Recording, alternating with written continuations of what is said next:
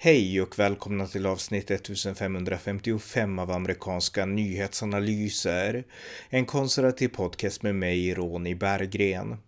Dagens datum är den 13 maj 2022. Det här är den stora NATO-veckan och idag offentliggjorde riksdagen sin säkerhetspolitiska analys inför Sveriges beslut om möjligt NATO-medlemskap. Rapporten framställdes under ledning av utrikesminister Ann Linde som sa följande på presskonferensen. Regeringen tillsatte den 16 mars en arbetsgrupp med alla riksdagens partier för att genomföra överläggningar om det förändrade säkerhetspolitiska läget till följd av Rysslands aggression mot Ukraina. Vi är överens om att Rysslands invasion av Ukraina är den mest omfattande militära aggressionen i Europa sedan det andra världskriget och agerandet utgör ett flagrant brott mot folkrätten och den europeiska säkerhetsordningen. Vi konstaterar också att Rysslandskrisen är strukturell, systematisk och långvarig. Det är denna analys som är helt grundläggande för resten av rapporten. Sveriges nuvarande försvars och säkerhetspolitiska samarbeten är av oerhört stor vikt och underlättar vid ett eventuellt medlemskap i Nato. Det omfattar däremot inte ömsesidigt bindande försvarsförpliktelser. Den främsta konsekvensen av ett medlemskap i Nato är att Sverige skulle bli en del av Natos kollektiva säkerhet och omfattas av säkerhetsgarantier enligt det nordatlantiska fördragets artikel 5. Ett eventuellt svenskt medlemskap i Nato skulle höja tröskeln för militära konflikter och därmed ge en konfliktavhållande effekt i norra Europa. Den osäkerhet som i nuläget råder om hur ett solidariskt uppträdande skulle utformas i samband med en säkerhetspolitisk kris eller vid ett väpnat angrepp skulle minska.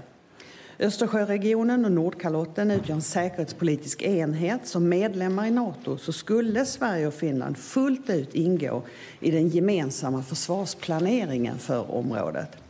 Det skulle stärka inte bara Sveriges säkerhet utan också bidra till att öka våra grannländers säkerhet. Fördjupat nordiskt samarbete skulle underlättas. Ett eventuellt NATO-medlemskap skulle inte påverka Sveriges möjligheter att fortsätta främja grundvärden i svensk utrikes och säkerhetspolitik. Utöver Finland är våra närmaste partners NATO-länder. Medlemskapet skulle utgöra ett komplement till Sveriges engagemang i EU, FN och OSSE. Även som NATO-medlem så skulle Sverige kunna fortsätta engagemanget för kärnvapennedrustning, fredsmedling och global jämställdhet. Sammanfattningsvis så menar jag att den inkluderande processen med informationsinhämtning från skilda håll och rapportens breda partiöverskridande förankring har lett fram till en trovärdig produkt av central betydelse för kommande ställningstaganden. Här analyserar jag rapporten. Varmt välkomna. Ja, där fick ni höra några ord från utrikesminister Ann Linde om den här rapporten som släpptes idag om det säkerhetspolitiska läget. Eh, rapporten som jag nyss har läst, den är på ungefär 40 sidor. Den går att ladda hem och läsa på utrikesdepartementets hemsida ud.se. Och eh, den här rapporten då, den eh, uppgiften att skapa den, den lades fram av regeringen den 16 mars. Det var Ann Linde som fick den uppgiften att leda arbetet tillsammans med Peter Hultqvist, vår försvarsminister. Och det fanns då representanter från alla riksdagspartier som var delaktiga, delaktiga i den här processen och de representanterna var Kenneth G Forslund från Socialdemokraterna, Hans Wallmark från Moderaterna, Paul Jonsson från Moderaterna, Aron Emilsson från Sverigedemokraterna, Kerstin Lundgren från Centern, Håkan Svenneling från Vänstern, Mikael Oskarsson från Kristdemokraterna, Allan Widman från Liberalerna och Elisabeth Falkhaven från Miljöpartiet. Så att de var med under de här eh, ja, under, under den här tiden då att arbeta fram den här rapporten. Och eh, som sades av Ann Linde så är kontentan i rapporten att eh, det säkerhetspolitiska läget i Europa är förändrat och det är konkret förändrat på grund av Rysslands aggression mot Ukraina där man med militära medel, eh, alltså där man är kapabel att med, använda militära medel för att uppnå politiska mål. Och Sverige har idag ett 20-tal försvarssamarbeten, men någon garanti finns det inte att man ska få hjälp vid ett angrepp, utan garantin den finns bara om man är med i NATO konstateras här. Och eh, man, man beskriver då att eh, nu är det viktigare än någonsin med äkta garantier. Därför att Ryssland har sedan kriget mot Georgien 2008 och den vidare invasionen av Ukraina 2014 och även i kombination med de här kraven som Ryssland har framfört sedan 2007, 2007 åtminstone om att omdana den europeiska säkerhetsordningen som funnits sedan 1945. Ryssland har visat att nu finns det ett hot och eh, Ryssland eh, de utökar eh, liksom hoten och riktar dem även mot Sverige. Man utökar, eh, expanderar intressena i Arktis till exempel, mot Östersjön eh, och eh, Ryssland går också i mer totalitär riktning. Eh, repressionen i Ryssland ökar och Vladimir Putin, även om han ändå skulle försvinna, han är ju trots allt till åren kommen och kanske sannolikt sjuk också. Det står inte i rapporten, det är jag som säger det. Men, men sannolikheten är ändå ganska stor att Ryssland kommer att fortsätta i auktoritär riktning. Och eh, det här måste tas i akt. Och man måste också ta i akt att eh, Ryssland har kärnvapen och att ryska representanter, även Putin, har pratat om att använda kärnvapen, att man är beredd att använda kärnvapen och man anser att det ryska moderlandet är hotat. Och eh, inte nog med det, man har också kemiska vapen och de har man använt sig av och inte bara hotat med. Eh, bland annat i mordförsöken på oppositionspolitiker som Sergej Skripral eller Alexej Navalny. Eh, eller ja, dissidenter kan man säga. Och eh, så att de här eh, Rysslands eh, mod eller förmåga att bryta mot folkrätten och att använda sina mest fruktansvärda vapen, den finns. Och det innebär att eh, ja, Sverige kan inte ta det här hotet lätt. Och det finns en hotbild även mot Gotland och eh, som sagt Arktis och avancerar Ryssland. Och eh, ja, Ryssland utvecklar också nu ett samarbete i högre grad med Kina. Eh, så att eh, säkerhetshotet finns och eh, Europa har ju mött det som har skett i Ukraina väldigt enat tillsammans med USA. USA har stärkt eh, eh sin lojalitet mot NATO och eh, kommit fram tror jag att NATO är den främsta arenan för att värna europeisk säkerhet. Det är från USAs sida. Eh, krisen har också visat att Europa, att USA är helt avgörande för europeisk säkerhet. Det har man ju inte alltid liksom pratat om kanske, men nu förstår vi det att USA är helt essentiellt för europeisk säkerhet. Och eh, rapporten konstaterar att för Sveriges del så är EU den viktigaste säkerhetspolitiska arenan och eh, EU är viktigt. Men EU har ingen, eh, ja, EU har ingen eget försvarsmakt och de flesta medlemmar i EU är också med i NATO. Och även om det inte finns något i EU-fördragen som förhindrar att EU skulle bygga upp en egen försvarsförmåga så finns det inget intresse för det. Utan just nu så är det NATO som är den stora arenan för gemensamt försvar. Och eh, med tanke på vad Ryssland gör så är det här någonting som gör att Sverige måste ta ställning. Alltså man måste börja överväga ett NATO-medlemskap konstateras i, i den här rapporten då. Och eh, de, eh, de samarbeten som finns, de, de räcker inte. Och det ju, betyder inte att samarbetena som finns är meningslösa. Vi har ett väldigt viktigt försvarssamarbete med Finland och vi har en stark transatlantisk länk till USA, starkt samarbete med Storbritannien, med Frankrike och så vidare och de mest EU då såklart. Men eh, de tunga garantierna, de finns inom NATO och eh, det nämns också några ord om FN är, att FN är en, har en central roll i den multi, multilaterala regelbaserade världsordningen. Men man konstaterar ändå att eh, nu är FNs möjligheter begränsade därför att Ryssland har eh, vetorätt i, i FNs säkerhetsråd och, eh, och sådär. Och eh, ja, man konstaterar att NATO är vägen framåt. Och även om NATO då har ett eh, nära samarbete med Sverige så återigen så visar det att samarbeten och eh, delad information och liknande det är ändå inte samma sak som kollektiva försvarsgarantier och kollektiva försvarsförpliktelser. Så NATO-medlemskap är egentligen det enda som, som ger det skyddet. Och därtill konstateras också att Sveriges djupa samarbete med NATO, eh, det går inte att ta det så mycket längre om man inte ska bli medlemmar. Och eh, det betonas gång på gång i den här texten att artikel 5 har alltid enbart avsett försvar av de allierade och allierade är man när man är medlem. Eh, och eh, på slutet här då konstateras att eh, den främsta konsekvensen, jag läser nu, den främsta konsekvensen av ett eventuellt medlemskap i NATO är att Sverige skulle bli en del av NATOs kollektiva säkerhet och omfattas av säkerhetsgarantier enligt det nordatlantiska fördraget artikel 5. Ryssland, eller Sovjetunionen, har aldrig, har aldrig angripit en NATO-allierad, men har däremot i närtid angripit stater som står utanför alliansen. Så skriver man i rapporten. Så att, eh, ja, också det ganska tydligt då vad ett NATO-medlemskap skulle innebära. Och eh, eh, ja, det konstateras också då att att Sverige kan, alltså det finns ju viss kritik mot NATO såklart.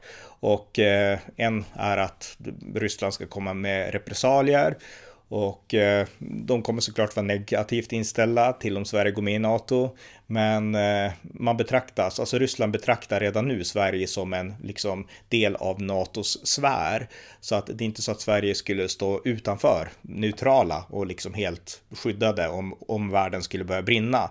Så skulle det inte bli, utan tvärtom. Jag menar, Ryssland betraktar oss redan som en del av NATO, men samtidigt så har vi inte NATOs skyddsgarantier. Så att om det skulle bli ett krig mellan Ryssland och NATO, då skulle Sverige bli det mål som var enklast att angripa. Därför att där skulle riskerna från rysk sida vara allra minst. Och eh, ja, det är också en korrekt, anser jag då, och eh, intressant och viktig iakttagelse.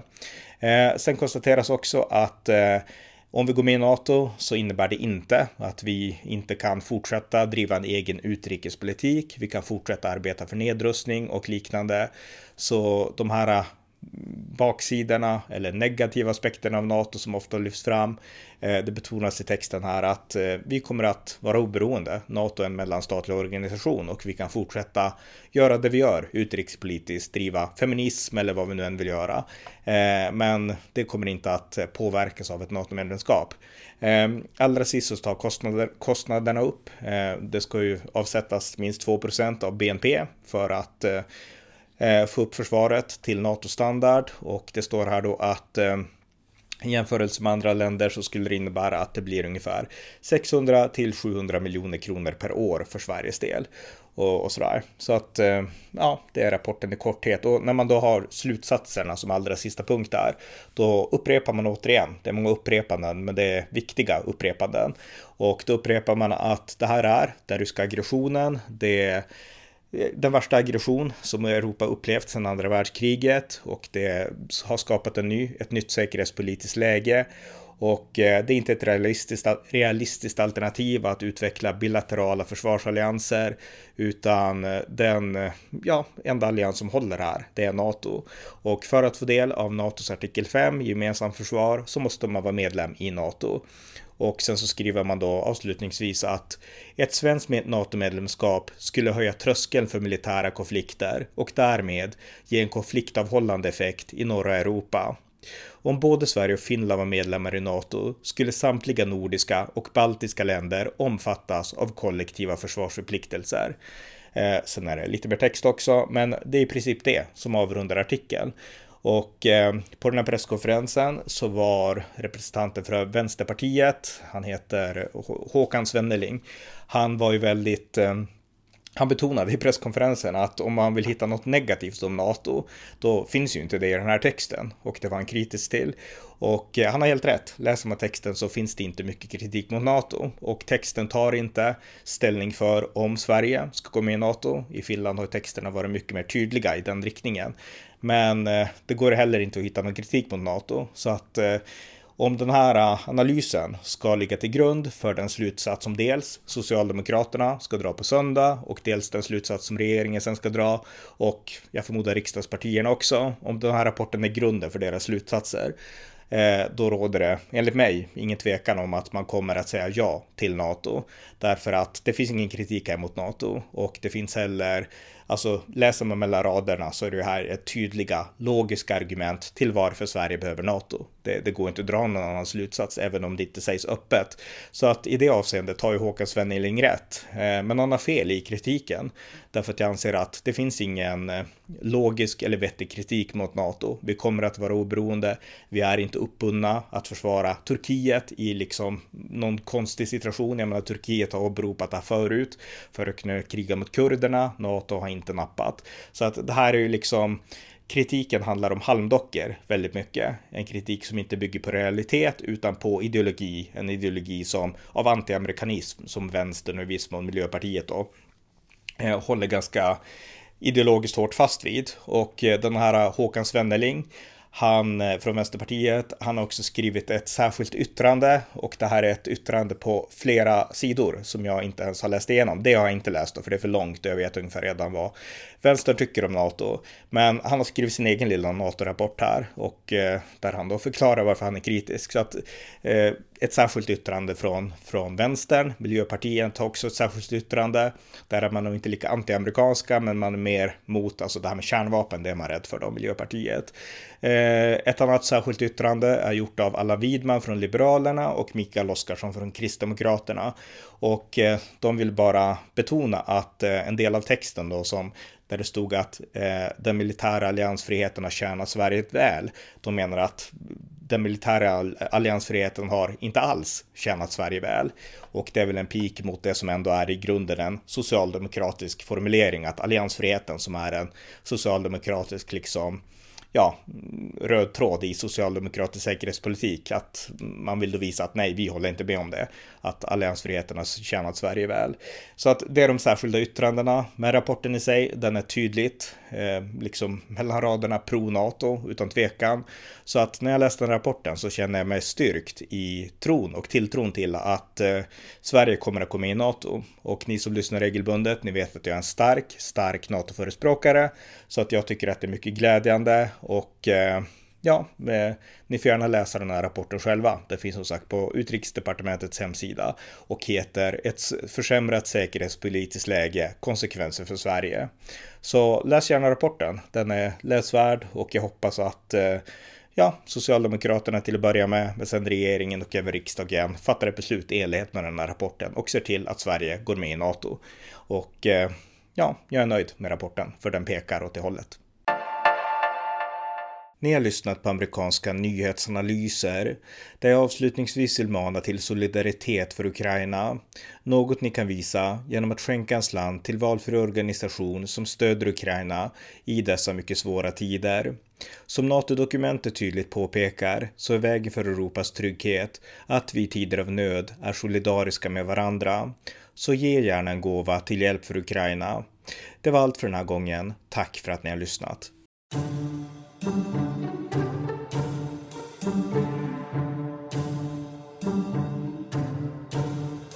you